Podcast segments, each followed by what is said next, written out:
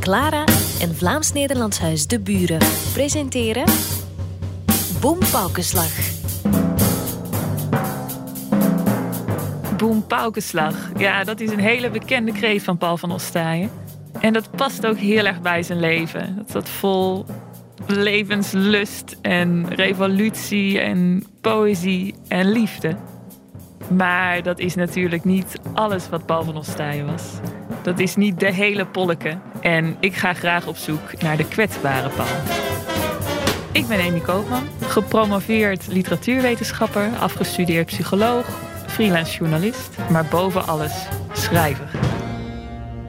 Hoe heb jij Van der Staaien, nou doe ik het weer verkeerd, leren kennen dan? Gewoon op school? Uh, wel. Wel. Ja, ja, wel. Maar uh, heb jij Van Ostaaien niet op school gehad? In Nederland op school krijg je wel iets van Van Ostaaien, maar alleen die hele simpele gedichten. Dag ventje met de fiets op de vaas met de bloem, bloem, bloem. Dus er is een ventje met een fiets en die staat op een vaas. Ja, gelukkig heb ik Matthijs de Ridder ontmoet, de biograaf van Paul van Ostaaien. Hij wil die ziekte op zich niet aanvaarden. Het is iets dat lastig is, iets vervelend is. En het is vooral iets wat niet de bedoeling was. En hij weet ook heel veel over het einde van Paul van Ostaaien. Ja, het kan, het kan niet anders dan dat hij toch moet hebben geweten dat hij er toch er, wel heel ernstig aan toe was. Ik denk dan aan kapotte longen. Dokter Wouter Arazola de Ognate die vertelt mij aan welke ziekte Paul van Ostaaien precies leed. En uiteindelijk mensen die sterven aan ademnood. Tuberculose, TBC, maar ook... Maar jullie zeggen dat, hè, de tering? Met onderzoeker Sophie van Damme Jullie zeggen krijg de tering. spreek ik over de literaire verbeelding van ziekte. Maar wij schelden ook met kanker. Kankerhoer. Ah ja, Je juist. kunt overal voorzetten. Kanker kun je overal voorzetten. Ik denk dat we hier moeten zijn, bij dit crèmekleurige gebouw. Ik ga ook langs in het C-preventorium in De Haan. En dat was vroeger een sanatorium voor tuberculosepatiënten. Maar nu zitten daar allemaal jongeren met overgewicht of met longziektes om te revalideren. En dan moet je dat inbeelden dat je dat moet doen, al fietsend, al wandelend, eh, al sprekend. Ik ga op bezoek bij muzikant en letterfanaat Daan Stuyven, Een gewaarschuwde vrouw is er het twee waard. Eh, die ik vraag naar zijn worstelingen als kunstenaar. Je investeert je lichaam en je ziel, maar het is wel met een interest. En je kunt niet spreken over het leven van Paul van Ostaaien zonder het te hebben over Emmeke. Paul en Emmeke, dat eh, was al heel snel een soort van Brangelina.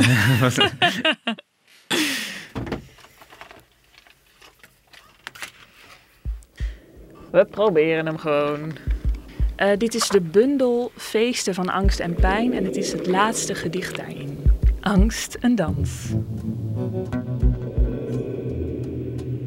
Dans is de dans van het wezen uit de donkerte schicht. Voor de glans van het wezen in licht. Dansen, bevrucht zijn, zwanger zijn. Bangenis van het woord dat angst werd. Dansen is volle buik zijn. Van het zaad van het woord angst. Zo grijpt mijn dansende lijf. Mijn voor angst van het woord bange lijf. Mijn in angst dansende lijf. Maar toch dienaar van het zijn. Ik probeer met hem mee te dansen. Heer in schijn, dienaar in zijn. Eh, ja, ik heb, een, ik heb een roman geschreven, het boek van alle angsten. Dat zegt misschien al iets over mijn fascinatie met angst. Ik heb ook een boekje van alle angsten geschreven. En dat boekje van alle angsten, dat was meer een persoonlijk essay. Eh, want angst is wel iets wat ik herken uit mijn eigen leven. Ik denk heel veel schrijvers. Met de stappende papaver, voel de bloem ontworden. Voel het lijf verfletsen, niet lichtend lijf. Alle woorden is ontwoorden. Dans is de dans van het wezen. Uit de donkerte schicht, voor de glans van het wezen. Uit licht. De angst omarmen eh, is eigenlijk een beetje wat Paul van doet in, in Angst en Dans. Want hij is ermee aan het dansen. Dus dat is een omarmen en weer loslaten. Dennendans wurgt, wurgen. En nu dans mee ik de schijn, de polendans. Mijn armen zijn werd rijke schijn. Mijn licht werd schemering. Mijn dageraad is deemstering. Een flikkering, de volle glans. Mijn dans is voor het wonder gaan. Niet in het wonder staan, niet met het wonder zijn, niet het wonder zijn. Zo is mijn dans vol angst. Zo is mijn dans een volle angst.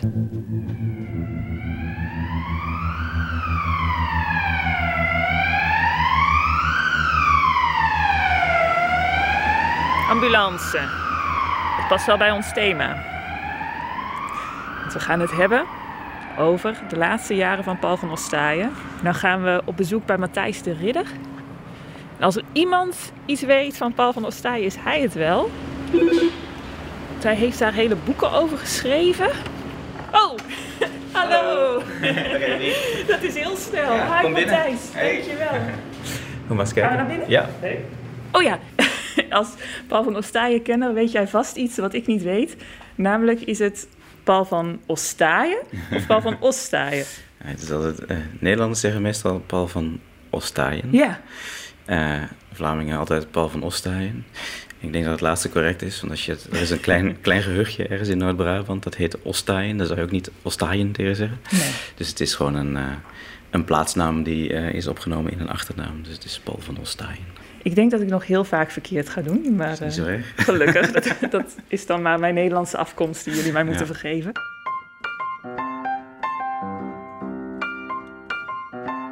Ja, die tijd waarin de Van Ostaaien leefde, ik heb daar denk ik een beetje een te romantisch beeld bij. Omdat het toch wel de Roaring Twenties dan, dan zijn dat hij jong was. In cafés, dansen, dancehalls. Ja, dat uitgaansleven daar eh, was al heel snel. eh, was Antwerpen weer, eh, ging, ging weer uit. Ze gingen in het begin zeker eh, heel veel dansen.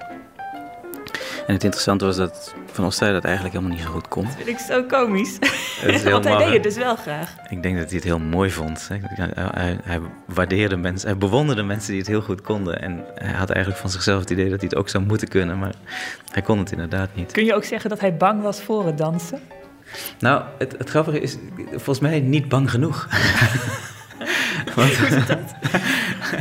Eh, je hebt een, een prachtig gedicht in Bezette Stad, dat heet Banale Dans. En in Banale Dans is die eigenlijk heel erg eerlijk. Hè? Dan gaat naar eh, een wat kleinere eh, dansclub, waar er dus gedanst wordt. Voortdurend danszaal, staan en het niet weten. Lichten gedoofd, ah, oh hé. En hij gaat dan dansen, maar hij is nog geen pagina ver of hij ligt al op de grond. En dans valt leven. Dan ligt hij daar, maar die val die vergroot hij gelijk uit. Hè? Het is niet Paul van Ostaaien die daar op de grond ligt.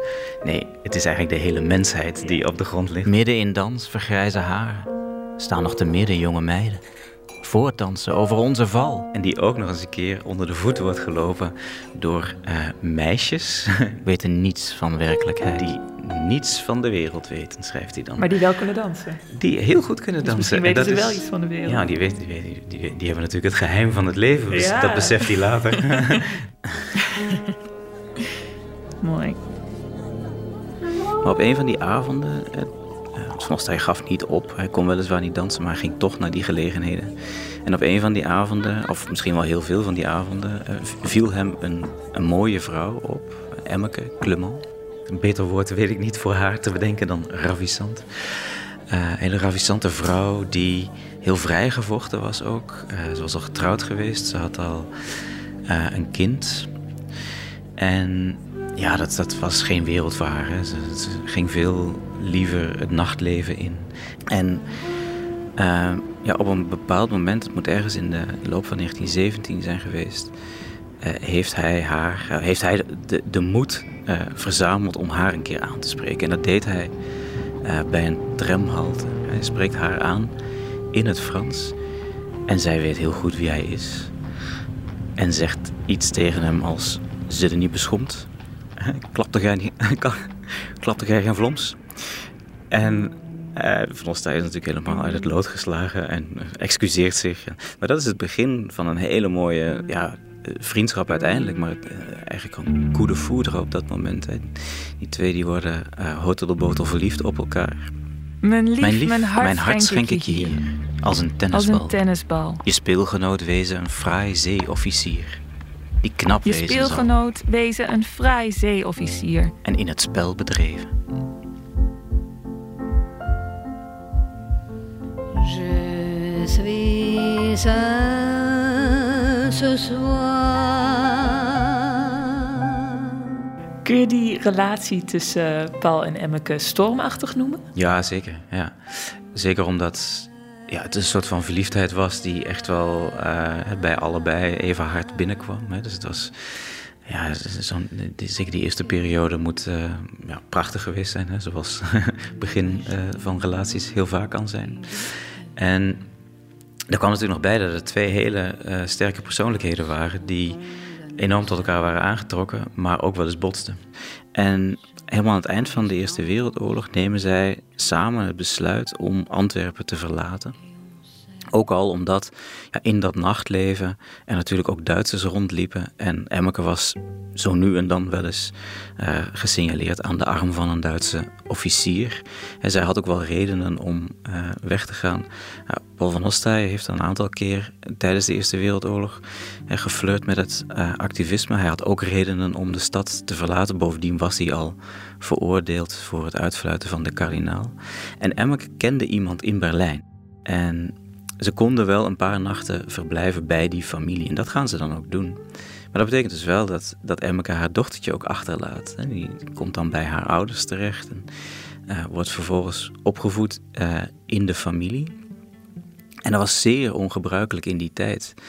Uh, want natuurlijk bij Emmeke ja, ook voor ja, bepaalde zorgen moeten hebben gezorgd. Hè. Je laat je kind niet zomaar achter. En dat zal zij zeker ook niet zonder daar goed over na te denken hebben gedaan. Maar wat voor haar belangrijker was en wat ook heel bijzonder is voor iemand in die tijd, een vrouw in die tijd, is dat zij het belangrijker vond dat zij niet in een patroon gedwongen werd waar ze uiteindelijk niet in wilde leven. zij wilde zelf haar eigen leven uitbouwen. En in die Berlijnse periode is zij ook degene geweest die het inkomen heeft verdiend. Zij werkte bij een modehuis eh, als verkoopster, maar soms ook als model.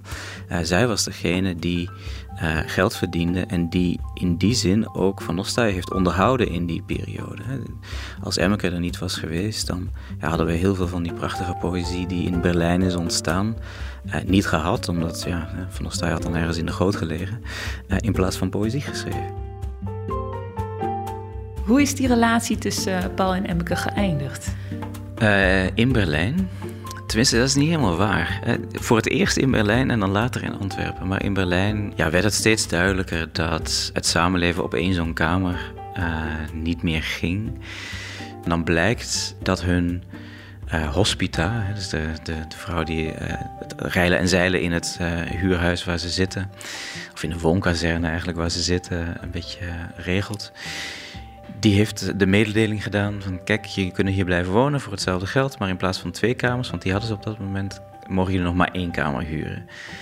Nou, dat is precies het moment dat Emmeke uh, heeft bedacht om toch nog eens terug te gaan naar België, om daar een paar mensen te gaan bezoeken. Dus uh, Van Ostaaij is even een paar weken alleen daar. En hij neemt zich dan voor om een nieuwe woonruimte te gaan zoeken. Maar dat doet hij niet.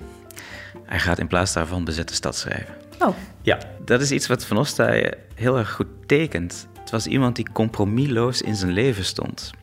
Op alle vlakken. ook in de liefde. Maar eh, als hij op een gegeven moment het idee had voor een boek, dan ging hij dat boek maken. Daar kon echt niemand iets aan doen. En als Emmeke weer terugkomt, ja, eh, het, gaat niet, het gaat niet goed. Dus het wordt steeds lastiger om, om op die eh, kleine aantal vierkante meters die ze hebben, om daar te kunnen blijven wonen. En het, wordt ook steeds duidelijker dat Emmeke iets anders nodig heeft. Hè? Dat ze gewoon wat, wat, wat meer maatschappelijk aanzien ook wil hebben. Dus zij begint ook uh, vrij actief om zich heen te kijken of er niet andere mannen zijn die dat zouden kunnen regelen voor haar. Hij begint? Nee, zij. Oké. Okay. Emmeke begint om zich heen te kijken. En blijkbaar zijn er ook wel wat, wat momenten dat uh, uh, Van Ostaaien haar tegenkomt op straat aan de arm van iemand. En, en dan doet Van Ostaaien net alsof hij het niet heeft gezien. En nou, dat soort van... Uh, daar hadden ze het niet over. Daar hadden ze het even niet over, inderdaad. Maar op een gegeven moment hebben ze het er natuurlijk wel over. En dan komt dat tot een enorme confrontatie. Ja, wat daar dan is gebeurd weten we natuurlijk ook niet. Maar er is wel een mooie brief. Hij schrijft uh, dan aan een van zijn vrienden in Antwerpen. Het schip Emmeke is gezonken. mijn harte teer, mijn harte zeer, verhoopt geen wederkeer. Val de ridijnen. Maar ach, mijn vrienden troosten. Meisjes zijn er meer. Val de ridijnen, val de ridon. Brief van Oscar Jespers aan Paul van Ostaaien, 19 april 1921. De Emma gezonken. Bemanning gered. Droge kleren nu en een glas cognac. Het is een geluk voor de man van bezette stad, kortweg. Uh, ja, grappig. Vanuit Antwerpen komt dan zo'n beetje de reactie van... ach ja, dat ging een keer gebeuren. je kunt dus zeggen, begrijp ik van jou, dat hun relatie mede stuk is gegaan door bezette stad? Ja, voor een deel wel. Ja, misschien wel, ja. Was het het waard? Uh, of ik liever zou hebben gehad dat de relatie uh, bestendig bleek te zijn en dat we daardoor bezet stad niet hadden gehad. Nee, dat... Maar was het voor hem op dat moment het waard? Ja, ik denk dat er was niet zoveel aan te, aan te verhelpen. Als hij in die periode heel toevallig ergens uh, uh, een goede nieuwe kamer had gevonden, dan was hij er heus wel achteraan gegaan. Um, maar hij was wel zo bezeten van dat werk dat, daar heel weinig, uh, dat hij heel weinig toeliet om daartussen te komen. Hoe is Bezette Stad ontvangen? Bezette Stad kwam uit in 1921. En het vervelende is dat je als auteur, en dat is vandaag niet anders dan toen, ook je PR heel goed moet verzorgen. Dus als je zoals Van Ostaaien heel erg hoog van de toren blaast, dan kun je ook kritiek terugverwachten. En dat is wat er ook gebeurt. Dus mensen die waren gewoon een beetje ja, vermoeid al op voorhand eigenlijk. Dus op het moment dat het boek verschijnt, zijn er maar weinig mensen die het echt uh, naar waarde kunnen schatten. Kun je zeggen dat hij daarna in een zwart gat viel? Ja, hij, uh, dat, dat valt natuurlijk ook samen. Hij komt terug in Antwerpen en dan gaat hij zich melden. En hij weet ook wel wat, wat daar de consequentie van is. Tenminste, hij denkt op dat moment, denk ik nog, dat hij uh, zich ook echt voor de rechter moet gaan verantwoorden. Dat is niet zo.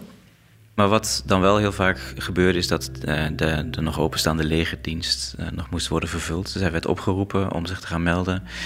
En eind uh, 22 zit hij in, in in, in, een klein dorpje dat eigenlijk vooral een, een overgangskamp is. Dus de, soldaten. eenheden die komen daar meestal voor niet meer dan een week of twee weken. zitten ze daar in, in zeer slecht geïsoleerde barakken en het grappige is dat je tegenwoordig, dat zijn de zegeningen van het internet, het is een levendige handel in postkaartjes. En dus ook postkaartjes uh, verstuurd vanuit dat kamp.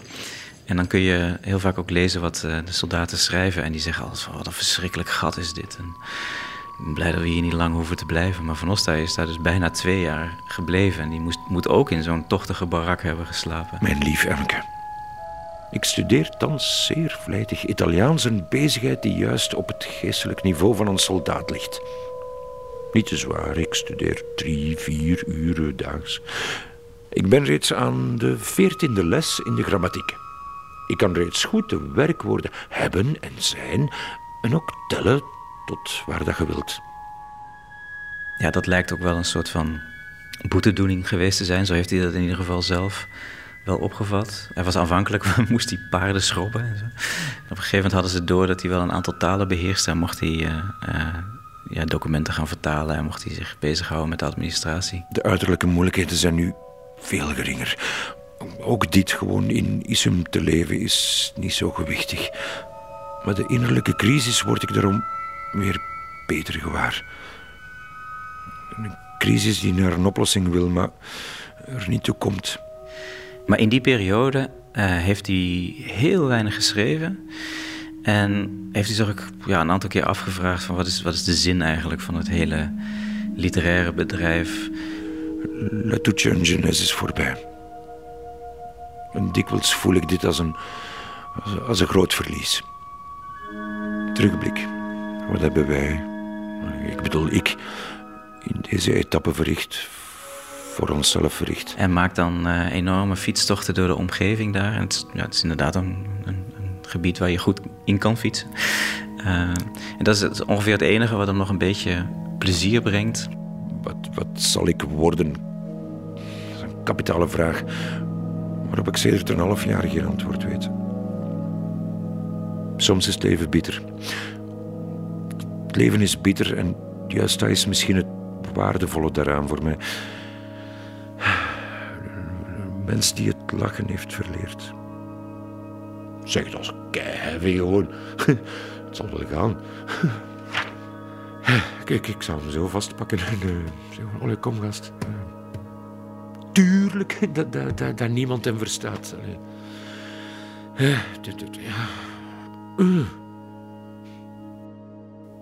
Oh, zonde.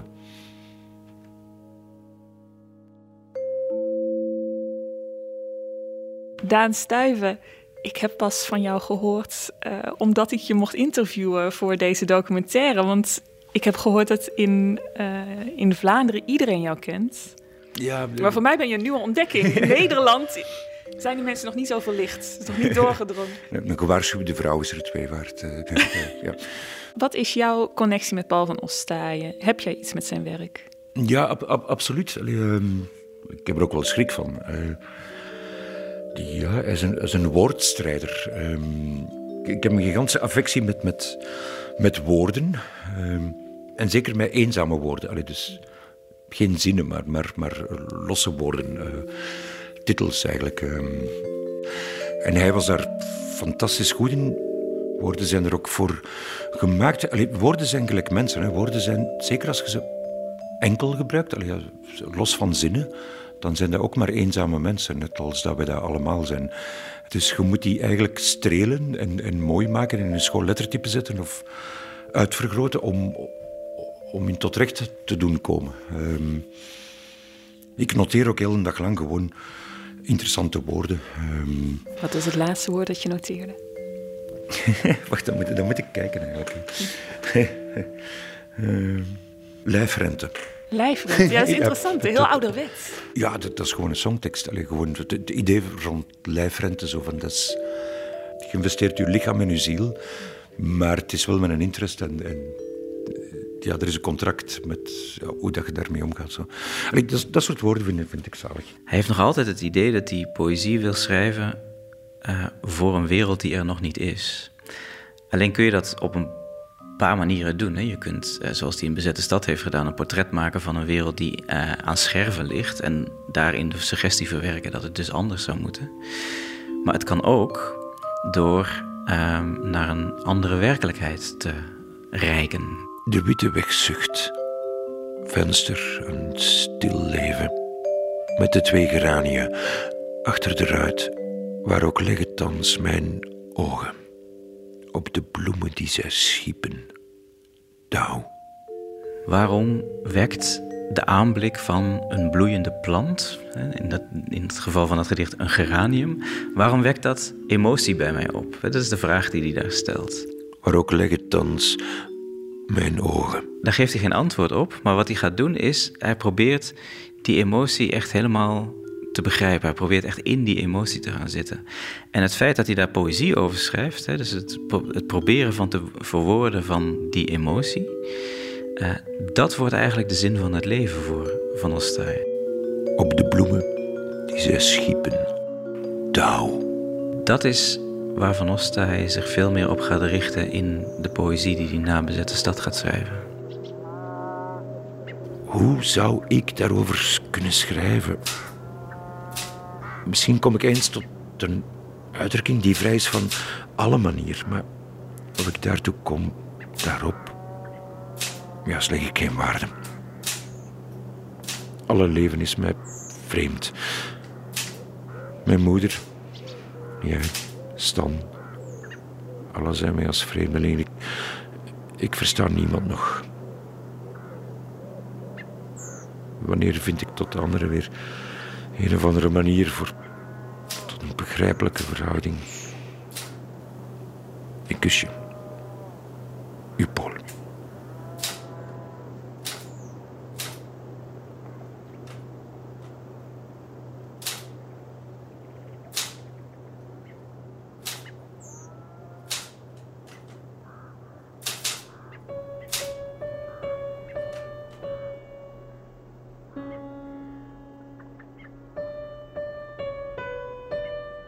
Hij heeft een moment gehad dat hij juist toen die bezette stad uitbracht, daar had hij zich helemaal ingestort. En daar had hij inderdaad alle regels getacht. Ja. En toen begrepen de mensen het niet. Heb jij dat ook gehad? Ja. um, maar, maar, maar verwarring is, is fantastisch. Allee, verwarring is een van de mooiste instrumenten. Um, het feit van niet begrepen te zijn, dat moet je eigenlijk van in het begin aanvaarden, nog voordat je je mond open doet. Uh, ik heb het geluk gehad, toen ik acht jaar was of zoiets, had- heeft mijn vader een, een, een bundel uitgebracht met, met zijn tekeningen van die jaren. En de titel van die bundel was Triomfantelijk falen. En, en, ik, en ik was een klein kindje, dus ik, heeft me dat moeten uitleggen wat dat, dat betekende. Maar heeft dat goed uitgelegd. Dus sindsdien ben ik fail-proof. Eh, zie, zie ik de schoonheid in het falen. En, en, en dat helpt mij gigantisch. Eh, dat, dat maakt ook dat ik met, met plezier op mijn bakken ga. Of met plezier slechte dingen doe. Of, of fouten maak. Of, eh, en dan zie ik daar de, de schoonheid of, of de lyrische schoonheid van in. Maar hoe heeft jouw vader jou dan uitgelegd wat falen is? Daar ben ik wel benieuwd naar. Triomfantelijk falen? Ja, ver- ver- verander uw verwachtingspatroon. Ehm, en vooral probeer niet te voldoen aan, aan wat iemand anders van u verwacht. Eh, als je faalt, dan is dat altijd tegenover iemand anders. Hè. Of tegenover uw eigen, dan zit je met een probleem. Maar, vaak is, is dat falen tegenover externe factoren of, of mensen rond u. Waar dat je een te groot verwachtingspatroon hebt gecreëerd. Dus, dus, dus daar zit in de fout gegaan. Eh, beloof niks, dan, dan, dan is alles een cadeau. Of dan kun je enkel beter doen als... Ja. Ik kan eigenlijk voor, voor elk facet van, van mijn eigen zijn... kan ik eh, mij mensen voorstellen die daar beter in zijn. Ik heb toffere vrienden, ik heb eh, mannen die, die beter met hun vrouw omgaan. Ik, heb, ik ken betere papa's, ik ken, ken betere zangers, ik ken... Maar, maar een zekere mildheid is ook wel, is ook wel mooi. Allee. Eh, fascinerende van het leven van Van Ostay is natuurlijk ook wel dat hij uiteindelijk een heel hoge prijs heeft betaald voor iets wat, we, eh, wat wel heel erg belangrijk is geweest dat mensen dat hebben geprobeerd. Hè? Namelijk het, het, het proberen te veranderen van de wereld via de kunst. Ja. Daar gaan we nu niet meer zo snel aan beginnen, ook omdat we hebben gezien waar het toe leidt. Het basisidee dat ten grondslag ligt aan hè, dat, dat, dat extreme modernistische denken. We gaan eh, aansturen op het einde van een tijdperk en dus vooral ook weer op het begin van een volgend tijdperk. Ja, dat is iets wat eh, gewoon praktische consequenties heeft op een gegeven, als je het in de praktijk gaat brengen. Ja, want is dat herkenbaar voor jou? Ja, allee, als, als je te ver gaat zoeken of, of te veel eisend bent tegenover de inhoud of de inhoud of het gewicht dat je van dingen verwacht of van het leven verwacht of zoiets, dan... eh, that's a very lonely planet. Eh, Maar is het idee dan verkeerd? Is dan de vraag. Ja, wellicht niet, maar alleen, alleen eh, blijkt het niet zo handig te zijn om hele grote groepen mensen te dwingen om ergens mee te stoppen en vervolgens weer met iets Dat sowieso. nieuws, met iets nieuws te gaan Ja. beginnen. En dat is natuurlijk wel de hoop die ze hebben ge- gehad. Maar het is ook heel goed dat die ideeën zijn geformuleerd en, en dat mensen hebben geprobeerd om dat te doen, omdat ze niet alleen de mensen hoop hebben gegeven dat het op een heel andere manier zou kunnen, hè, want dat, dat is nog steeds de hoop die we wellicht ook wel delen. Maar eh, ze hebben ook laten zien dat het ongelooflijk moeilijk is om dat te doen. En dat eh, het heel gemakkelijk kan mislukken ook. En zo'n oeuvre als dat van Van Ostay is een heel mooi, en zeker ook dat leven, is een heel mooie, eh, mooi verhaal. Juist omdat de hoop die daarin zit ook gepaard gaat met toch al het begin van het besef dat het een heel moeilijk verhaal is om vol te houden. je kunt niet van de ene kant zo u- uzelf proberen heel scherp uit te drukken of heel ver te gaan in, in uw gedachten en die proberen te kneden en naar buiten te brengen. En dan nog eens verwachten dat mensen daarin meegaan. Dan moet je dan concessies doen. Eh, sommige dingen moeten in, in uw dagboek schrijven, sommige dingen kun je niet in de groep gooien en dan nog verwachten dat, dat ze u gaan vastpakken daarvoor. Of, of u een schouderklopje gaan geven daarvoor. Zo van, eh,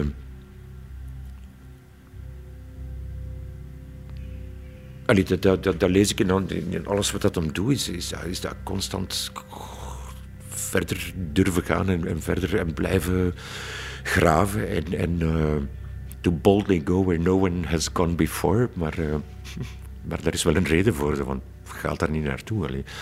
Allee, ik, ik hoop dat hij blij is dat we honderd jaar later met veel eloge eh, alles kunnen appreciëren wat hij gedaan heeft. eh, als dat een troost mag zijn voor hem. Maar, eh, mij is het dan niet waard. En hoe heb jij jezelf dan herpakt als je daarheen dreigde te gaan? Wel, ik, ik, snijd dat, ik snijd dat cynisme en die zwaarten en die dingen. Ik snijd dat gelijk dat je brood snijdt in, in de supermarkt. Uh, in sneetjes. En ik eet dat boterham voor boterham. Maar niet een heel brood in één keer. Allee, ik snij dat en ik smeer dat. en ik rooster dat. En... Maar als het drie dagen oud is, dan gooi ik het weg.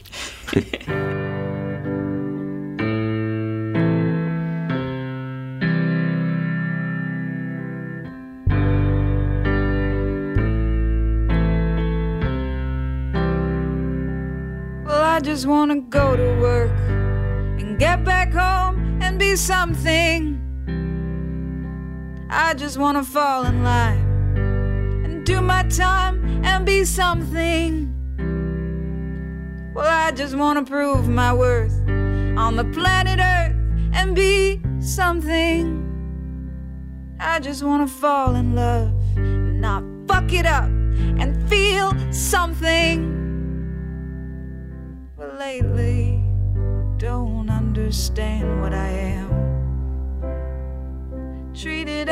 Fool, not quite a woman or a man. Well, I don't know, I guess I don't understand the plan. Colonized and hypnotized, be something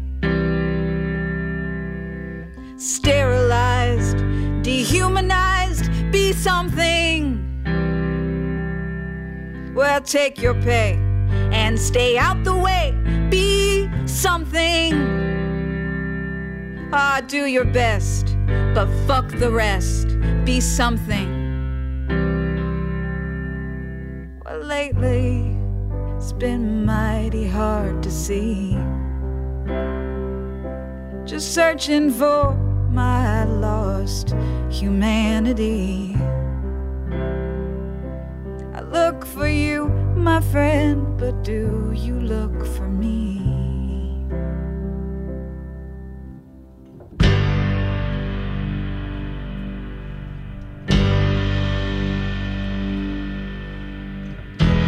Boompaukenslag.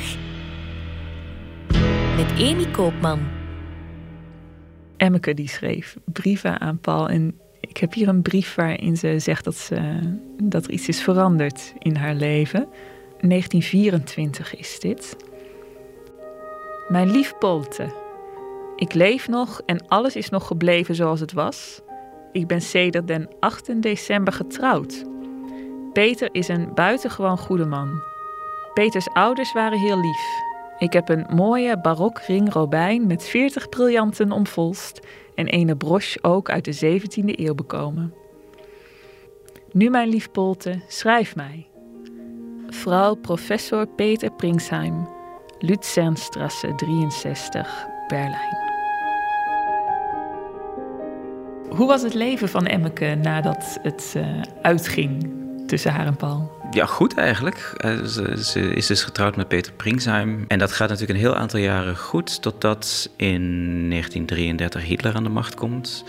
Uh, want haar man was Joods en zij wijken dan uit naar de Verenigde Staten, waar hij al heel snel ook wel ja, op, op hele mooie plekken aan de slag kan.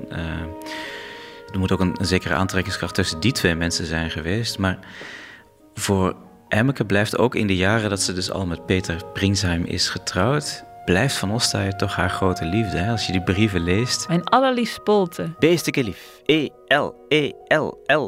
Emmeke lief. Ik wacht en wacht nog op een brief van jou. Niets komt. Ze houdt bijvoorbeeld ook nooit op uh, met Paul aan te spreken met haar koosnaampje voor hem. En dat was Polte. Polte. Eigenlijk een beetje uh, een Duitse variant van Polke. Haar, haar brieven verduidsen ook een beetje. Ze, ze raakt het, het, gevoel voor het Nederlands een klein beetje kwijt. Ho, mijn Polte, ik durf niet terug aan de dag te denken.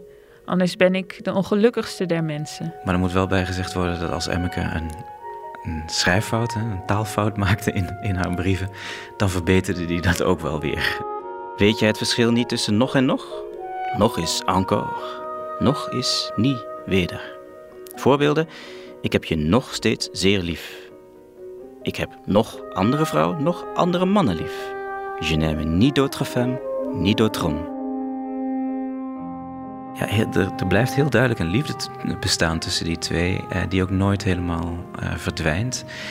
En dan is het tragisch om te zien dat uh, blijkbaar de sociale omstandigheden op dat moment mensen ertoe uh, beweegt om ja, dat niet verder te willen zetten. er is een hele grote mogelijkheid dat ze weer bij elkaar zouden komen, dat Emmeke misschien wel zou blijven in Antwerpen.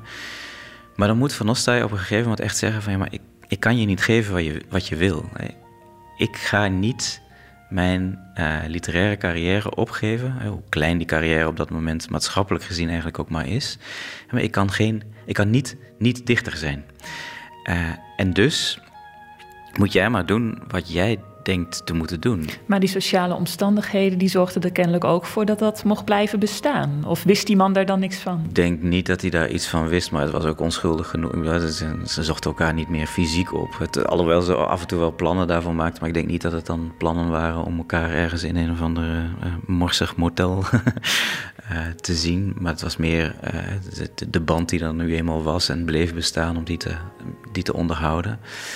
Uh, ja, maar dat is prachtig dat dat ja. kan blijven. Ik ja. denk dat dat tegenwoordig juist veel lastiger zou zijn voor veel stellen. Ja, maar ik vind het, het tragische hieraan is wel dat je in alles wat ze elkaar schrijven merkt dat het eigenlijk meer had moeten zijn. Ja. Als je ziet hoe, hoe stroomachtig en uh, de, die liefde aan het, aan het begin was en hoe lang ze aan elkaar zijn blijven hangen en, en ook ja, de toon van de brieven helemaal aan het einde nog. Ja, dat zijn mensen die, uh, die, die niet loskwamen van elkaar. Is het in België ook zo koud geweest? Hier is het sedert gisteren schoon weer.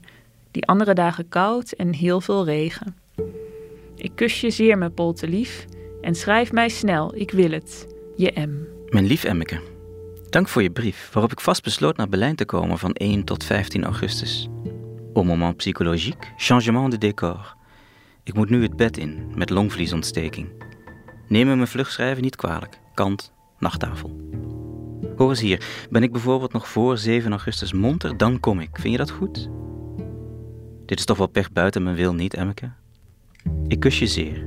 Je Paul. Wanneer merkte hij voor het eerst dat hij longproblemen had? Dat moet eigenlijk al heel vroeg zijn geweest, maar het moment dat hij dat ook echt wilde toegeven, dat was pas vrij laat. Het begint denk ik hier in dit huis in 1910 als uh, zijn broer Pieter Flores, die, ging, uh, die was student aan een uh, seminarie in Wallonië, dichtbij Binche. En die kwam terug omdat hij was weggestuurd door de, de leidinggevende op zijn school, omdat zij een zeer sterke vermoeden had dat hij TBC had.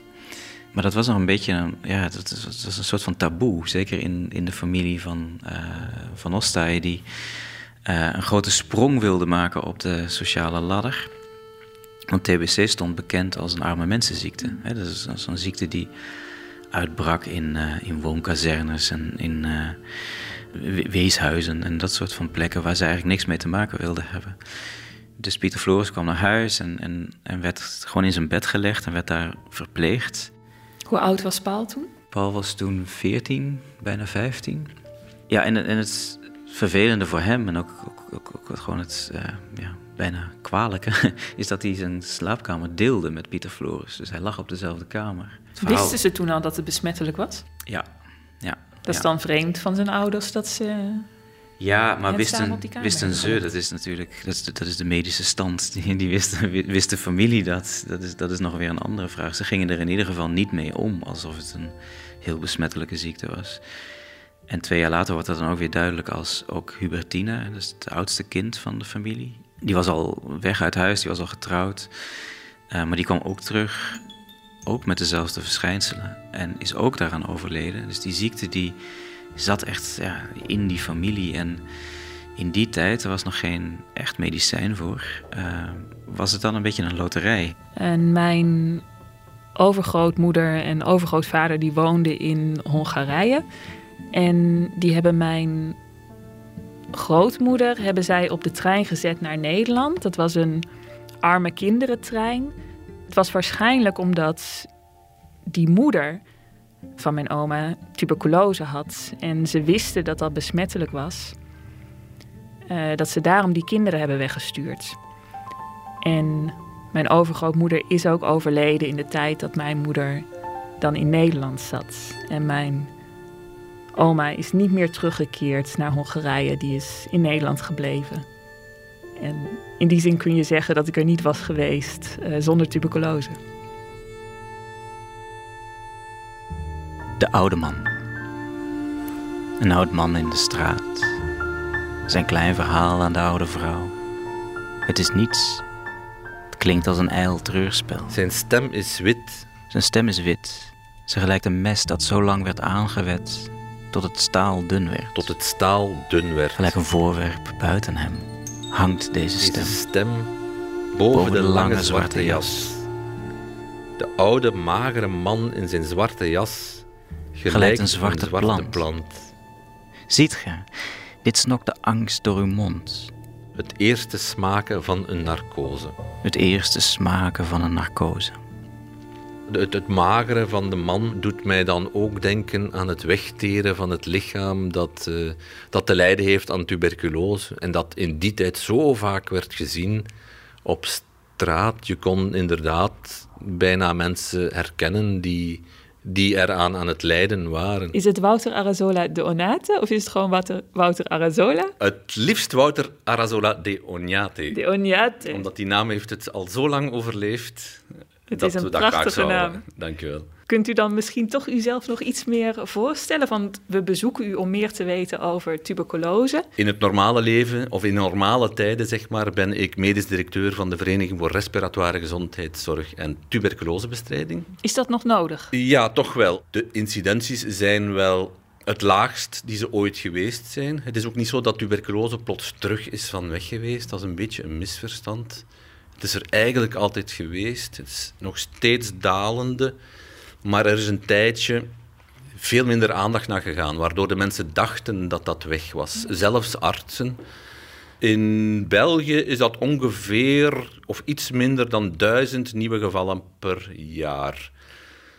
Maar ja, dat zijn er toch drie per werkdag, zeg ik altijd. Ja, en die kunnen weer anderen besmetten natuurlijk. Ja, Maar het is pas in 1925 als hij in Antwerpen ergens op de tram staat te wachten en aangesproken wordt door een dokter. Dokter Petermans was dat. Ja, die wel, van ons wel kende, een beetje uit, de culturele wereld wel wist waar hij mee bezig was. En die hem zo eens aankeek en dacht van ja, dat gaat echt niet goed met die jongen. Eh, en die hem dan uitnodigde om eens langs te komen. En ja, Petermans die had het eigenlijk al meteen gezien eh, op straat. Maar die heeft toen gezegd van ja, dit is toch echt wel... en dit lijkt toch wel heel erg op TBC. Hoe kon je dat zien? Nou, hij was, ik denk dat wat, hoe hij dat vertelde, is dat hij hard hoestte op straat. En, en dat hij er heel erg bleek en heel erg, eh, ja, ook, ook, ook uitgeteerd eigenlijk uitzag. die bacterie die adem je in, die wordt dan in, initieel onder controle gehouden, dus die doet niets, maar op een gegeven moment krijgt hij de overhand en dan gaat die zichzelf vermenigvuldigen. Uw lichaam gaat daar allerlei immuuncellen en verdedigingscellen op afsturen. En het is eigenlijk die reactie en die interactie die zorgt ervoor dat het longweefsel eigenlijk wordt aangetast. Waardoor er holtes in de longen ontstaan. Echte holtes waar dan verkaast longweefsel in zit. Dat is eigenlijk een hele vieze pusachtig iets, maar dat zit wel knalvol bacteriën. En als je daar niets aan doet, dan blijven die groeien. En dan gaat uw ademhalingscapaciteit gewoon aangetast geraken. Hij is eigenlijk 15 als hij die bacil opdoet. Ja, nou, waarschijnlijk. Daar gaan we vanuit. Ja. Ik bedoel, dat Ja. zal toen wel Ja. zijn overgeslagen als je zo dicht bij iemand zit Ja. die dat heeft. Ja. En dan duurt het zo lang voordat het zo ernstig is dat hij daar toch hulp voor gaat zoeken. Ja, die bacil die, die kan een hele tijd eh, in je lichaam zitten zonder dat hij echt iets doet. Het is ook zo dat de meeste mensen die besmet geraken, eigenlijk, en ze hebben een goede, normale gezondheid met een sterk immuunsysteem, dan is de kans dat men daar ooit ziek van wordt redelijk klein. Dat is 1 op 10 of 10 procent. Omgedraaid wil dat zeggen dat 90% van de besmette mensen dus nooit ziek zullen worden en dus ook nooit zelf besmettelijk zijn. Die bacterie Dat zit daar ergens in het, in het lichaam, die is daar wel, maar die doet niets. Die zorgt niet voor grote schade aan de longen. Ja. Waarom heeft het die bijnaam tering? Omdat mensen die je zou opvolgen. Je zou elke dag een foto nemen. Die zie je echt letterlijk dunner en dunner en dunner en dunner worden. Wegteren. Het vreemde bij Van Ostaaij is dat hij waarschijnlijk ook wel ingegeven door de manier waarop die familie omging met, met die ziekte en met ziekte überhaupt. eh, dat hij nooit echt heeft willen toegeven dat hij heel erg ziek was. Want was het een groot probleem toen? Ja, het was een immens groot probleem. Bijna ja, groter dan COVID op dit moment. Eén op drie van de actieve bevolking was aangetast door tuberculose. Dat is heel veel. En tot voor COVID was het de meest dodelijke infectieziekte. En het is nooit heel erg slim om dingen die niet in een verhaal passen dan maar te verzwijgen. Maar dat is wel wat er gebeurde. En dat is wel wat er blijkbaar ook in heel veel meer gezinnen is gebeurd. Ehm, dus die ziekte werd zo'n beetje verdoezeld. En, en als je geluk had, dan, ja, dan genas je daar ook wel weer van. Maar in heel, heel veel gevallen natuurlijk ook niet. En in de familie van Ostaaien hebben ze eigenlijk altijd, het als een soort van, ja, een raar, raar soort van doem gezien die dat periodiek het huis binnenkwam. Maar ze hebben er nooit echt iets eh, op uit willen doen. Totdat dan Paul van Ostaaien en vervolgens ook Stan van Ostaaien, de twee overgebleven kinderen van het gezin, allebei tegelijkertijd TBC bleken te hebben. En die hebben dan eigenlijk gewoon zelf besloten van ja, we moeten daar wel iets op uitdoen. Die zijn dus allebei naar een sanatorium gegaan. Maar altijd met het idee, want daar gaan we heen om een beetje op krachten te komen. Dan komen we weer terug en we gaan gewoon weer verder. Want het paste ook bij hen niet in het verhaal. Beste Duperon. Wat er met mij gebeurt? Weinig of niets. Sedert 6 september ben ik eindelijk in mijn sanatorium geïnstalleerd. Ik zal er waarschijnlijk tot ten minste 15 december blijven. Sedert ik hier ben, gaat het mij beter. Waarom Miavo? Ja, dat was eigenlijk dat was een, een contact dat zijn huisarts had. Hè, dus die dokter Petermans. Die had contact met eh, die dokter Perard in, eh in eh bij Namen. En ik denk dat het zo toevallig was. Dus, hij, hij wist een plek. eh van Ostaaij kon er op een gegeven moment terecht. En dus ging hij daarheen. Mijn lief Emmeke. De dokter zegt rust, rust, rust. Ergens gaan liggen, anderhalve maand, twee maanden als het gaat. Hoe werd het vroeger behandeld? Vroeger, laten we zeggen 100 jaar terug, toen eh, Paul van Ostaaien daar ook mee te maken had. Ja, wat men toen deed is ehm, de mensen die al ziek waren in een sanatorium opnemen. Dus een buitenkuur. Eh, zij moeten vele uren per dag buiten liggen om voor de verse lucht, maar ook voor het verse zonlicht. Ik lig uitgestrekt op een chaiselongue. S'morgens van 8 tot 12, daarna van 1 tot 4 en dan van 5 tot 7. Om half negen lig ik te bed. Ja, aanvankelijk, en dat is ook wel weer pijnlijk, hè, toen hij aankwam in Mirevoix, eh, heeft die dokter, die, die schrok eigenlijk heel erg. En die dokter heeft toen besloten om hem eerst maar gewoon plat te leggen. En dus eerst heeft hij gewoon alleen maar eh, rust genomen. Dus een heel, heel, heel groot deel van de dag lag hij in bed. Een ander deel van de dag lag hij op een lichtstoel in een soort van serre die aan die villa was gebouwd. Ik kuur nog altijd 7 uur per dag in open lucht bij een temperatuur van 9 tot 13 graden onder nul. Met twee dekens en een overjas tegen de kou. En zonder lerus. En dat was alles wat hij moest doen. Dus dat was vooral eh, tot rust komen. En dan later, toen het ietsje beter ging, is de zogenaamde pneumothorax eh, op hem toegepast. Beste Gaston, de volgende week begint men toch daaraan die ene linkerlong op non-activiteit te brengen door pneumothorax, terwijl de rechterlong zo goed als ongeschonden is. Pneumothorax, dat wil zeggen dat men de long waar de aantasting in, eh, in zat, dat men die ging laten dichtklappen. Ja. Simpel uitgelegd is dat men via een naald in de borstkas de luchtdruk aan die kant van de borstkas eh, zo hoog ging maken dat de long, dat we die long gingen dichtklappen, zodat die eigenlijk niet meer actief was, dat we de long zogezegd gingen laten rusten. Dat klinkt die- afschuwelijk. Ja, dat is geen fijne eh, ingreep. Ook niet omdat je dan maar op één long ademt. Dus je bent heel snel moe, je kan heel weinig doen. Zeker, de pneumo is geen pijnlijke behandeling. Alleen de desorganisatie van het organisme is erg vervelend. Van kon dat wel aan. Hè? Er waren mensen die dat heel moeilijk hadden om dat te doorstaan. Maar Van Ostaaien die melden altijd van ja, het is niet fijn, maar ik kan, ik kan er wel mee leven. Bij Paul van Ostaaien is dat vaak gebeurd, maar Ja. hij is niet genezen. En nee, omdat dat... eh, je kan maar hopen dat die holte aan elkaar klit. Dat daar littekenweefsel ontstaat. En dat die bacteriën zeggen van ja, wij zijn hier weg. Maar dat was het beste dat men op dat moment had. En op dat moment was dat high-tech. Hè? Ja, ja. Ik denk dat we hier moeten zijn, bij dit crèmekleurige gebouw. Dat ziet er wel uit alsof het al een eeuw hier kan staan. Beste Duperon. Het oord en het sanatorium zijn niet onaangenaam. De vrouw van de arts is een Zwitserse dame met een sterk gewelfd voorhoofd en zware tanden, zeer rassig. Zij loopt door de kamers terwijl ze af en toe een mazurka van Chopin neurt. Ja, ja dit is het zeepreventorium in De Haan. Als je lust en tijd hebt, ik lig hier, mag ik haast zeggen, tot jouw beschikking. Je moet de trein nemen tot Astière en vandaar de taxi tot Miavois, 5 kilometer. Met de hartelijkste groet, je Paul V.O. En als het goed is, zitten hier heel veel kinderen en jongeren met chronische longklachten en andere problemen.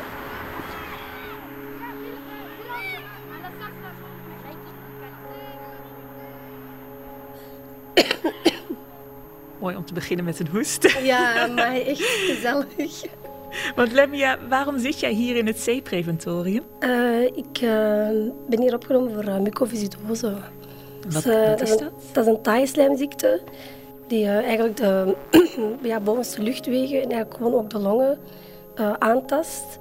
En vandaar dat ik naar hier kom, om ook eigenlijk veel te draineren. Maar het is Dus, dus niet zo, ze kunnen het niet oplossen voor je. Ja, de ziekte zelf eh, kan gewoon gestabiliseerd worden.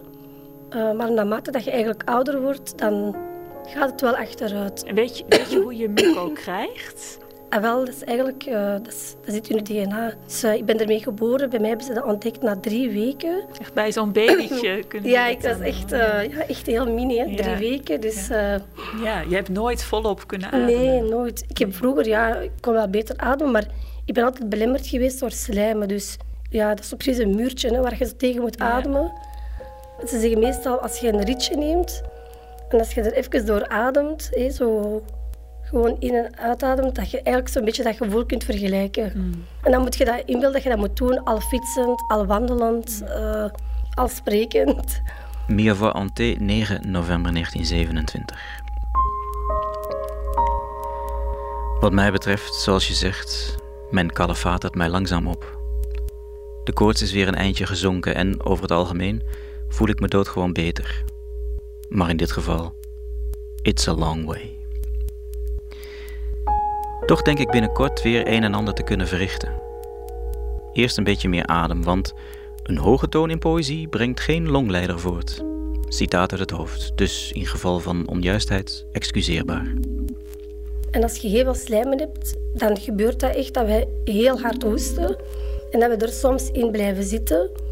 Je wilt inademen, maar dat dat gewoon niet gaat. En dat is wel heel beangstigend, want je ziet soms echt eh, zwarte ja, vlekken. En soms denk ik van, ah ja, ik ga er vandaag gewoon in blijven. En dat is heel beangstigend, want alles wordt dan ook donker, je hoofd doet dan ook pijn. Dat is zo'n moment dat ik denk van, oké, ga ik deze eigenlijk wel halen vandaag? En dan denk je van, ja, ik ga hier erin stikken. Ehm, er is wel een oplossing, dat is het longtransplantatie. Dus dat is wel een optie, maar niet iedereen eh, staat daarvoor open. Eh, ik nu zelf wel. Hoe lang sta jij al op de lijst voor een Eh, longtransplantatie? nog niet zo lang. Ik eh, geloof nog maar twee weken of zo. en ja. weet je hoe lang je nu nog moet wachten? Dat is eigenlijk eh, de lotto. Ze weten dat echt niet. Dus het kan over een maand zijn dat ze mij oproepen, maar dat kan ook over twee jaar zijn. Ja. Elk telefoontje dat ik eigenlijk krijg is eh, spannend kijken van oké. Ik heb nog onlangs in de groep gezegd van mijn zussen, ik zeg ja, dames, ik zit eigenlijk gewoon in een lockdown. Dus geen lockdown, maar echt in een lockdown. Maar dat is waar. Ik zit eigenlijk nu te wachten op ja, longen. En daarnaast weet ik niet wat er allemaal gaat gebeuren. Dus dat is echt even zo, ja, hold. En eh, ja, allee, want ik reis heel graag. En dat is iets dat ik niet kan doen. Dus ik heb dat even uh, moeten verwerken. Ja, ik hou echt van reizen. En nu gaat dat niet meer. Dus uh, waarom? Als je op een lang, uh, longtransplantatielijst staat, moet je binnen de twee, drie uur in het ziekenhuis geraken. Dus stel dat ik nu in Marokko ben, kan niet zomaar de vlieger nemen. En... Je hebt familie in Marokko? Ja, ik ben van Marokkaanse afkomst. En ik heb nog ja, mijn familie in Marokko, mijn grootvader. Maar uh, echt reizen mag niet meer. Nee. Ik ben nu de ganse dag alleen in mijn kamer, met een open venster dat op een rode beuk geeft, die nu, al voor een schil te worden, nog even langs het groen moet. Voorlopig heb ik daaraan nog genoeg. Ik heb dat nog pas onlangs aan een vriendin gezegd. Ik zei van, als wij hier zitten, zijn wij helemaal zo ingepakt. Ja, dat is zo'n kokonnetje. Maar als je dan hier buiten komt, dan is dat de echte wereld. En dan denk je van, ah ja, je mocht niet... Allee, hier kunnen we zo hoesten, op ons gemak. Maar als je dan naar buiten komt, dan denk je van, oh nee, je moet je terug je eigen verdedigen.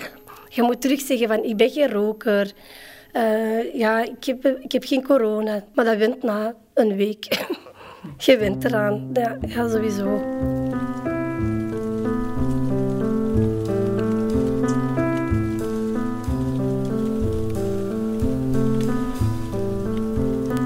Een vleermuis aan de nacht.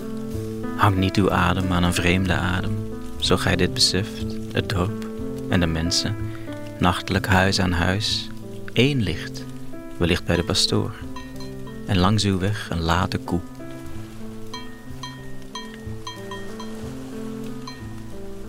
In de wieg van weg en stroom is van de leegte zo het dorp alsof het een boot was, die maar voor korte tijd op anker ligt.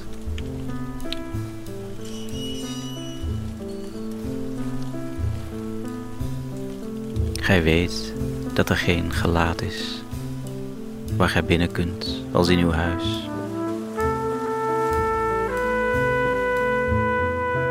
En gij stoot overal der dingen oppervlak, een spiegel van uw eenzaamheid, een teller van uw korte reis.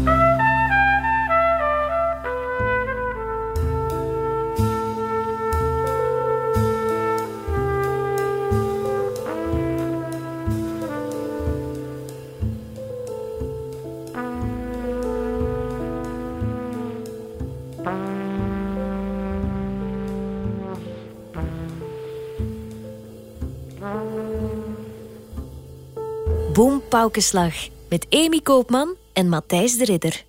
Singer, singer, naaimachine. Slinger, singer, naaimachine. Hoort, Hoort, hoort. hoort. Floris Jespers heeft een singer naaimachine gekocht. Wat? Wat? Jawel. Jespers singer naaimachine. Hoezo? Hoezo? Jawel, ik zeg het u. Floris Jespers heeft een singer naaimachine gekocht. Waarom? Waardoor? Wat wil hij? Jawel, hij zal. Hoezo? Circulé. Want Singers naaimachine is de beste.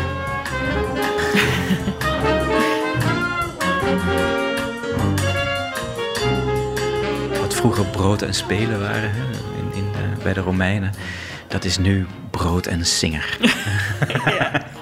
Het zou nu een mobiele telefoon eh, de nieuwste iPhone Ja, zijn. precies. Of, eh, of eh, schoenen van een bepaald merk. Ja. Of ja, dat, soort, dat soort van gekte beschrijft van Ostij. Sowieso de, de late gedichten, die hebben heel veel, altijd heel veel liefhebbers gehad. En dat zijn, dat zijn precies de gedichten waarin Van Ostaaien eigenlijk doet uitschijnen dat poëzie heel gemakkelijk is. Het zijn, het zijn maar kinderrijmpjes. Maar als je er dan goed naar gaat kijken, dan zitten die ongelooflijk interessant en ook knap in elkaar. En als je gaat kijken wat er dan allemaal staat, dan is het vaak, zijn het vaak hele diepe filosofische overwegingen die ook weer neerkomen op de vraag, waar, waar draait het eigenlijk allemaal om? En dan zie je inderdaad dat eh, hij gedichten begint te schrijven waarin klankovereenkomsten tussen bepaalde woorden ook heel erg belangrijk worden. En eigenlijk bijna ja, eh, de hele structuur van, de, van het gedicht uitmaken. Amaryllis, Iris, in een zeepbel, Iris. Die naam Amaryllis, hè, die roept de tweede naam Iris op. En uit de ontmoeting tussen die twee namen eh, komt eigenlijk een verhaaltje naar voren. Ja, Amaryllis is het meisje wat wordt aangesproken in het gedicht. En degene die spreekt, we nemen even aan dat het een, een volwassene is, eh, die zegt tegen Amaryllis: Kijk, hier heb je een zeepbel. Hang de bel aan een ring en de ring aan je neus, Amaryllis. En in die zeepbel, daar zie je een ander meisje. Dat meisje dat noemen we Iris. Maar wij weten natuurlijk, dat is de weerspiegeling van Amaryllis zelf. En dan gaat het rijmpje verder gaan. Schud je het hoofd. Schud je het hoofd, speelt het licht in de bel. Met Iris. Maar schud je vel, dan breekt de bel, Amaryllis. Dan wordt het heel erg akelig. Waar is Iris? Iris is hier geweest, Amaryllis, aan een ring. En de ring aan jouw neus. En dan krijgt Amaryllis dus eigenlijk de schuld van het feit dat die Iris er niet meer is. Wat alleen al in de context van dat kinderrijmpje natuurlijk heel erg eh vreed is. Maar als je er even verder over gaat nadenken, dan zie je daar ook weer eigenlijk ja, het, het, het onderliggende thema in heel veel teksten van Van Ostaaien daar weer in, in, eh, in terugkomen. Het gaat over het je voorstellen van een wereld op een manier zoals die zich op dit moment niet voordoet. Hè? Dus het hebben van idealen bijvoorbeeld. Het durven te dromen over een ander bestaan. Maar die klappen wel uiteen. Ja, Of ineen. inderdaad. En, en wie krijgt daar de schuld van? Degene die wijsneus de euvele moed had om die droom te hebben. Amaryllis.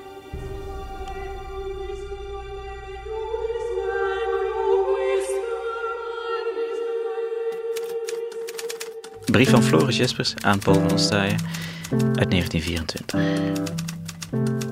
Ik vind wat je voor Mark stuurde heel goed. Waarom? Ik weet weinig over literatuur, maar tracht toch de dingen te zeggen zoals ik ze voel. Heel mooi kinderlijk. Kinderlijk door het vinden van uw woorden. Bloem, bloem, tafel, nog eens tafel. De pees, de pet en pijp en pijp en pet en de vees. Een mooie ritmes. Goddelijk kinderlijk. Proficiat. Mark leert het van buiten. Je zult ervan verschieten als je eens komt.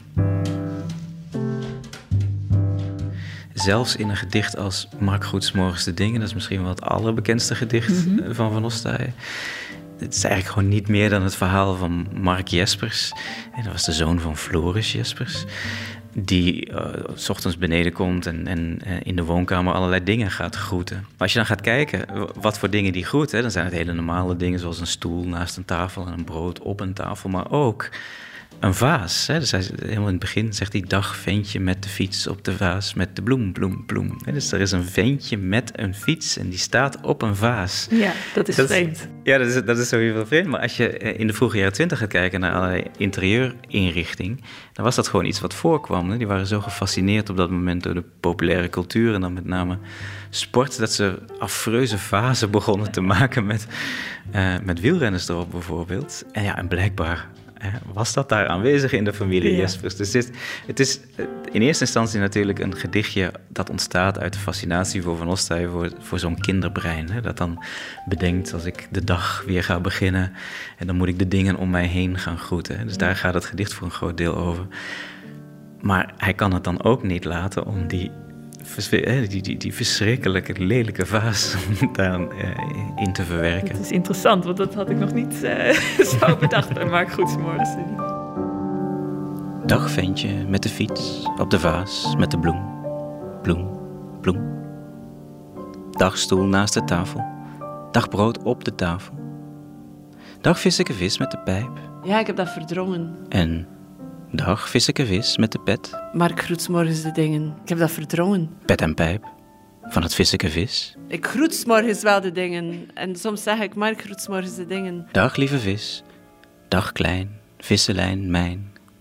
Maar ik heb het echt verdrongen. Het was zo'n verplicht nummer dat ik de schoonheid ervan eh, in mijn puberteit helemaal niet eh, zag. Ja, absoluut. Ik moet toch nog even zeggen dat we hier echt prachtig zitten. Waar zitten we hier? In Oostende op de 27e verdieping en de zon is langzaam aan het zakken in de zee. En we zien een bijna leeg strand. Een paar mensen.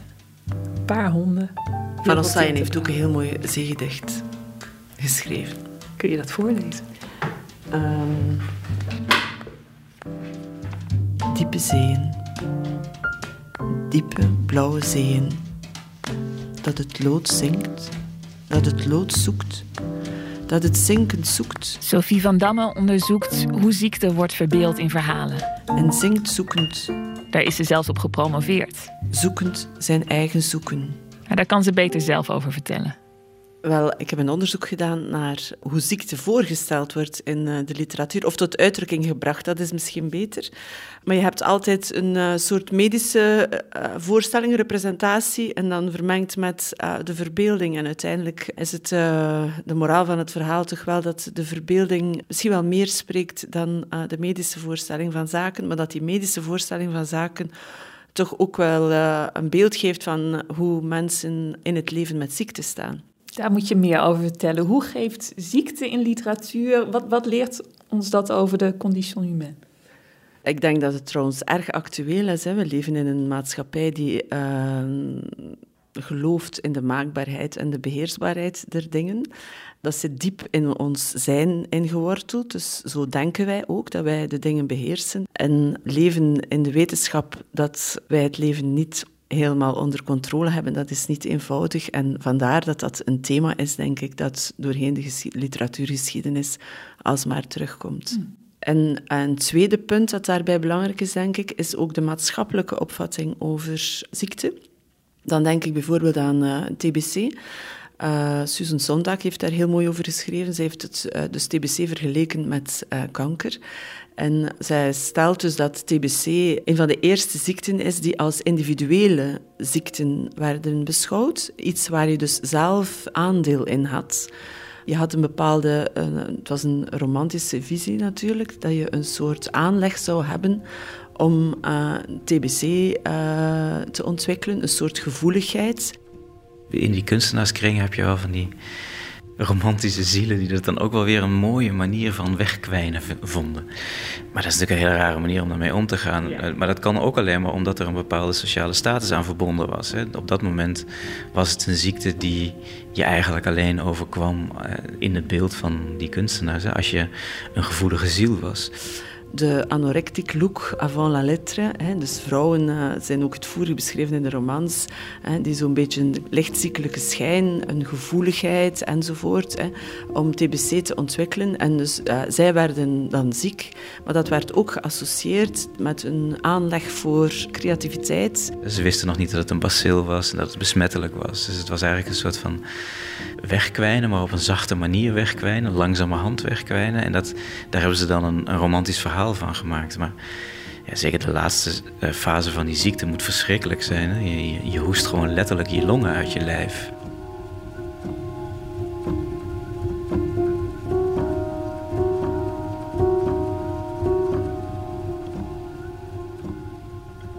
Ehm, bij kanker.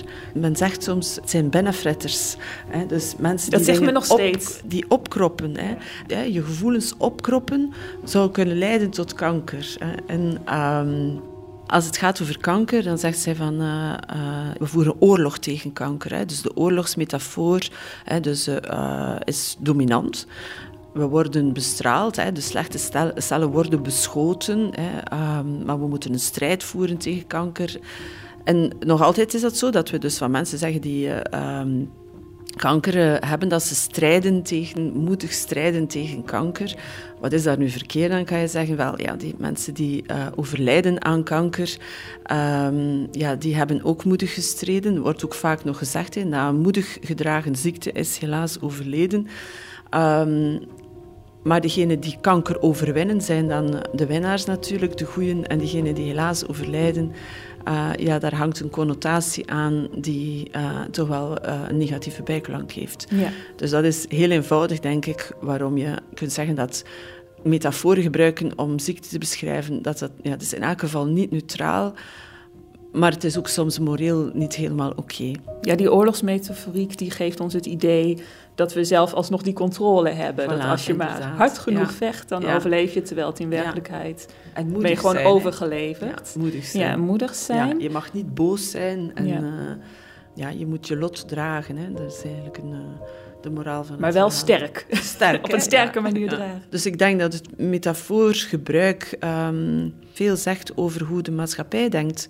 Over, ehm, hoe, over, over een bepaalde ziekte of ook over hoe je als zieke eh, je moet gedragen. Nu, het discours rond kanker, maatschappelijk gesproken, is ook wel eh, doorheen de jaren veranderd. In die zin dat heel veel aandacht nu wordt besteed aan levensstijl.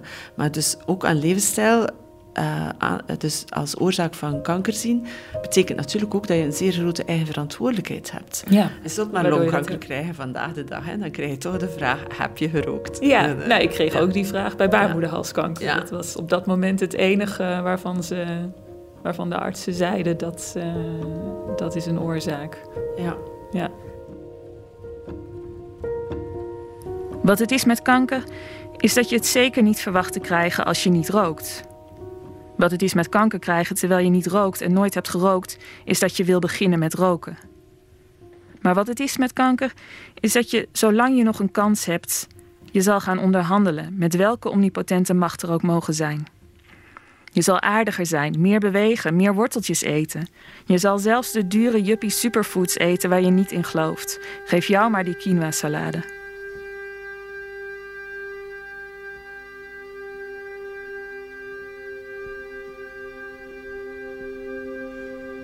kreeg bij mijn eerste bevolkingsonderzoek baarmoederhalskanker gelijk een slechte uitslag. Eh, Ik had dus baarmoederhalskanker. En ik moest daarvoor worden geopereerd. Er was eerst nog de vraag of de hele baarmoeder eruit moest of alleen de baarmoederhals. Het werd uiteindelijk de baarmoederhals. Dus ik heb de, de zomer van 2015 eerst in het ziekenhuis en daarna op de bank eh, doorgebracht. En toen ik weer in de veilige zone zat, toen heb ik daar een stuk over geschreven. Wat het is met kanker is dat, ook al begrijp je dat het geen straf is voor iets wat je hebt of niet hebt gedaan, je toch een reden wil horen, een oorzaak. En vooral wat jouw eigen rol was. Omdat je er nog van uitgaat dat jij de meester bent over jouw lichaam. Wat het is met kanker is dat als de doktoren je een potentiële oorzaak kunnen geven, de kans klein is dat je je daardoor beter voelt. Ja, ik, ik weet het ook gewoon van mezelf. Dat als, en dat is een heel normaal menselijke reactie. Dat als iemand iets vreselijks overkomt, dat je toch denkt van... oh, maar die heeft dat en dat gedaan. Dus eh, daardoor zal dat met hem of haar gebeuren, maar met mij niet. Je wil altijd weer dingen bedenken waardoor jij dan veilig bent. Ehm, dus dat werkt dan ook andersom. Als jou dan wel iets overkomt, dat je ook gaat denken van... wat heb ik gedaan of ja, hoe was dit te voorkomen geweest? Omdat je toch weer die controle wil. Ja, het is makkelijker ook om eh, het individu eh, verantwoordelijk te stellen. Hè? Ja. Maar dat vinden we zelf natuurlijk ook. Van, je wil ook weten, wat kan ik doen? Natuurlijk, het geeft ook, de, eh, zeker ook in, tijdens behandelingen en zo, het geeft het gevoel dat je iets, iets, um, iets in handen hebt. Maar het is ook gevaarlijk om het ehm, verantwoordelijkheid bij het individu te leggen. Want dat is een illusie. Het is niet zo dat alleen het individu verantwoordelijk is. Uh, ik denk, ja, het ene extreem was de romantiek rond uh, ziektes als TBC. En uh, het andere is natuurlijk de geheel en al het discours van de eigen verantwoordelijkheid bij ziekte. Wat het is met kanker is dat je er niet aan hoeft te sterven. Maar wat het is met kanker is dat je onvermijdelijk aan sterven moet denken. Leg uw hoofd zo in mijn arm dat van uw voorhoofd naar uw mond mijn blik schuiven over de kam van uw neus. Wat het is met kanker, is dat je tenminste één persoon moet vinden die bereid is door alles heen je hand vast te houden. Leg uw hoofd zo. Ik leg op uw mond mijn hand. Wees rust.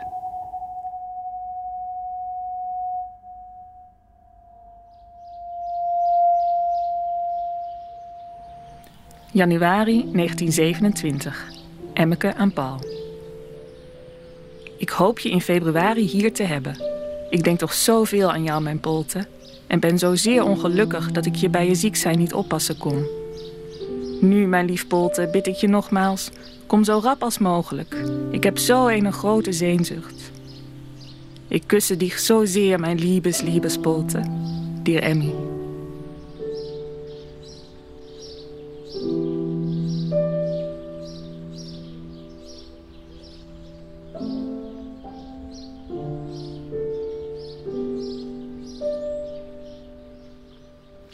Hanté, 1 februari 1928.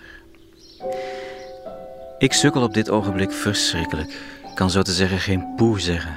Een miserie, vriend. Ik weet wel dat ik fysisch als mens naar de bliksem ben, maar ik vind dat men mij toch een minimum mocht laten. Tot later alweer. Flinke poot van je Paul van Ostaaij.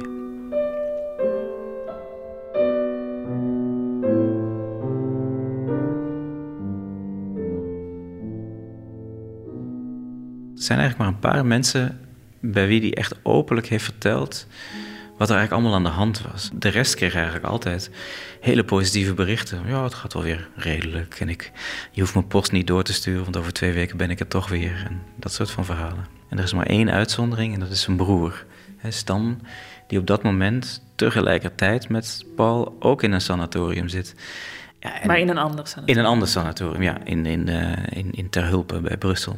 En hij weet natuurlijk wel, ik kan, ik kan tegen, tegen Stan kan ik niet liegen, want die zit in dezelfde uh, situatie. Dus daar is hij dan wel wat eerlijker. Je bent de enige aan wie ik het waag zo te schrijven. De anderen geef ik maar voortdurend berichten van langzame beterschap. Trouwens, ik heb zelf over mijn toestand geen zeker oordeel.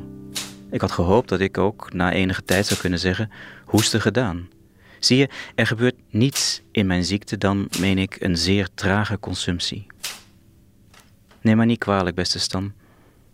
Maar zie je, de weerstandstof geraakt op de duur verteerd. Stan is eerder boos nog. Dus die zit daar en die zegt: maar, En dat gaat maar niet vooruit. En ze hadden gezegd dat ik hier uh, zou kunnen genezen. En wat zit ik hier eigenlijk te doen? En als ik toch moet sterven, dan kom ik liever weer naar huis toe. Dat zijn de brieven aan zijn vrouw. Maar ook hij wil het dus niet aanvaarden. Hij wil die ziekte op zich niet aanvaarden. Het is iets dat lastig is, iets vervelend is. En het is vooral iets wat niet de bedoeling was. Zie je dat als ontkenning? Ja, dat is een enorme ontkenning. Want ondertussen wist hij natuurlijk wel wat er aan de hand was. Wij zwalpen op zee, wrak, drijvend wrak. Is er dan geen asiel voor zwakke mensen? Wrak drijven zee, ziedende zee, loeien, doemen Schoon was het eens. Iemand speelde Bach in de buurkamer. Blies de wind het wrak weer in zee.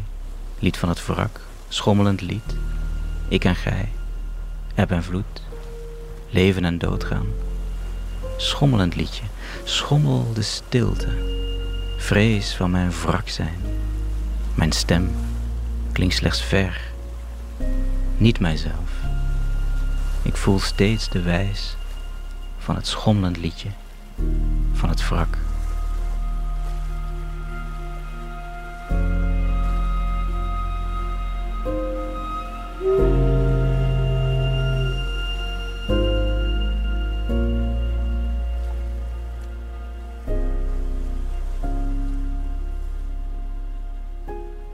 Ja, het kan, het kan niet anders dan dat hij toch moet hebben geweten dat hij er toch er, wel heel ernstig aan toe was. Dus dat is een heel dubbel beeld. Maar ik denk niet dat hij het exacte moment van zijn dood heeft zien aankomen. En later heeft de dokter in Mirevoix nog wel wat verteld. En dan, ja, dan zie je toch een heel ander beeld opduiken. Ook de zuster die daar van Ostaaien en, en de andere patiënten uiteraard heeft verpleegd, die heeft later nog wel wat dingen verteld. En daaruit kun je toch afleiden dat zij daar allemaal wel heel erg door hadden hoe ziek die was. Dus ik denk dat er een heel groot deel ook bij zit dat hij ja, het gewoon niet onder, onder ogen durfde te komen of wilde komen. Februari 1928. Emmeke aan Paul. Ik denk toch zozeer veel aan jou, tenminste elke morgen en avond. Misschien ben ik niet maar lief met mijn polte geweest, maar ik heb ik daarbij niet echt gewild. Ik wou kloek zijn en waar daarbij zo schrikkelijk dom. Nogmaals wens ik je dat beste en kus je wie ik nur jou kussen kan. Ik heb je nog altijd zo lief. Je Emmeke. Mirevoix Anté, 3 maart 1928. Beste Emmeke.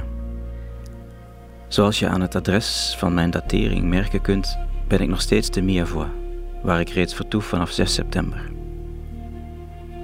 Men behandelt mijn linkerlong op pneumothorax. Dat is het buitenactiviteit stellen van deze long door luchtinblazingen. Daarbij is sedert enkele tijd bijgekomen de waterstorting in de ribbenkast. Wat voor gevolg heeft dat de druk op de long nu eerst door de lucht, dan door het water wordt uitgeoefend. Maar praktisch dus heb ik maar één long, tot de andere uit haar non-activiteit zal mogen komen. Ik lig weer zeven weken te bed als gevolg van de hoge temperatuur door het water in de ribbenkast. Nu begint ze te zakken. Voor het overige heb ik heel de winter chaise longue gedaan onder de open lucht. We hadden tot 13 graden onder nul. Voor het overige wat Gijs schrijft over interesse of niet, schrijven mogen of niet, dat is allemaal naast de kwestie. Jij denkt aan mij, ik aan jou, maar wij kunnen niet goedmaken wat eenmaal verkeerd is. En ik vind het gans verkeerd hoop steeds in de toekomst te verzetten, alsof wij altijd maar dezelfde blijven. Dat is het waarom ik niet schrijf. Schrijf mij Albertstraat 44, want ik denk toch binnenkort te mogen terugkeren. Ik omhels je. Paul.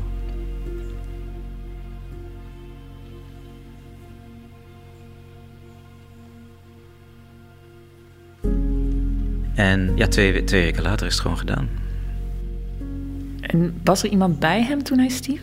Ik denk het niet. Het moet s'nachts zijn gebeurd. Ik denk dat ze hem hebben gevonden s ochtends. Dat, dat kun je in ieder geval afleiden uit het hele korte telegram dat door de dokter in Mirevoix wordt gestuurd aan zijn dokter in Antwerpen. En daar staat eigenlijk alleen maar in Ostaaien, zonder van Ostaaien, overleden vannacht of zoiets staat erbij. En dat is, dat is alles wat er, wat er staat.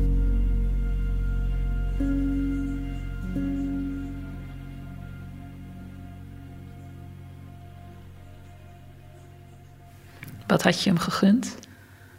Ja, sowieso uh, die ziekte niet, uiteraard. Uh, ik zou wel heel benieuwd zijn geweest wat er nog zou uh, zijn gevolgd op die gedichten, die dan uiteindelijk het nagelaten werk zijn geworden. Dus ik ben. maar je weet het niet, hè? Nee, Soms... want is het niet ook in zekere zin ja. een geluk? Ja, tuurlijk. Dat voor zijn nalatenschap, ja, zeker dat voor... hij jong is gestorven, dat hij nooit burgerlijk heeft kunnen worden. Bijvoorbeeld, of uh, uh, heel erg verbitterd. Ja, je zou, ik denk niet dat je het zou hebben willen meemaken dat het inderdaad een, een, een man van 60, 70 wordt die dan zijn leven overdenkt. En het is allemaal mislukt. En, en, en die moppert op de jeugd. Ja, precies. En dan, ja. en dan mensen gaat aanwijzen die daar de schuld van, ja. van zijn. Uh, wat helemaal niet gezegd is dat dat uh, zou gebeuren natuurlijk. Hè, maar uh, Nou, laten we zeggen dat het voor de biograaf niet heel erg uh, onnadelig is dat hij maar 32 jaar oud is geworden. En voor de literatuur. Dus eigenlijk de tragedies in zijn eigen leven, het verlies van Emmeke en ja, ja. ziekte en dood, hebben uiteindelijk wel ook zijn ster doen reizen. Ja, dat denk ik ook wel. Uh, maar zeker ook omdat hij zo, zo compromisloos heeft geleefd. Hè? Dus het feit dat hij uh, ja, waarschijnlijk ook wel veel eerder aan de bel had kunnen trekken. Van ik ben ziek, ik moet er iets aan doen, ik moet, moet me even terugtrekken. Dat heeft hij allemaal niet willen doen, want het ging, het, hij was met andere dingen bezig. Hij moest boeken schrijven, hij moest een tijdschrift oprichten, hij moest uh, nog in kunst handelen. Hij, hij, moest van alles, hij kon, hij kon helemaal niet ziek zijn. en dat, dat gebeurt natuurlijk alleen maar in het leven van iemand die zo gedreven is, dat, dat, ja, en die mensen heb je nodig om zo'n oeuvre te maken. Dus dat hangt er ook wel mee samen. En ja, dat is voor mij, ja, dat zeggen, de, uh, het bewijs, of in ieder geval voor mij toch, het bewijs dat we te maken hebben met iemand die die literatuur op zo'n niveau beheerste dat je kunt spreken van ja, een buitencategorie uh, auteur die ook niet zozeer meer in een hokje te plaatsen is, maar die eigenlijk gewoon zijn eigen, ja, zijn eigen categorie vormt.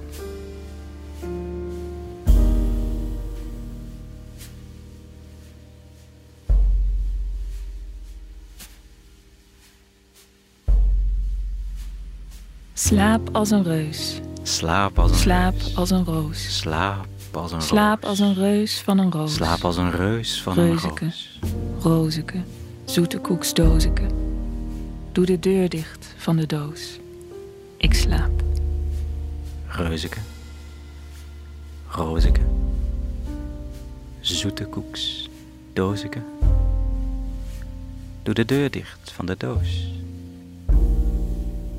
Ik slaap.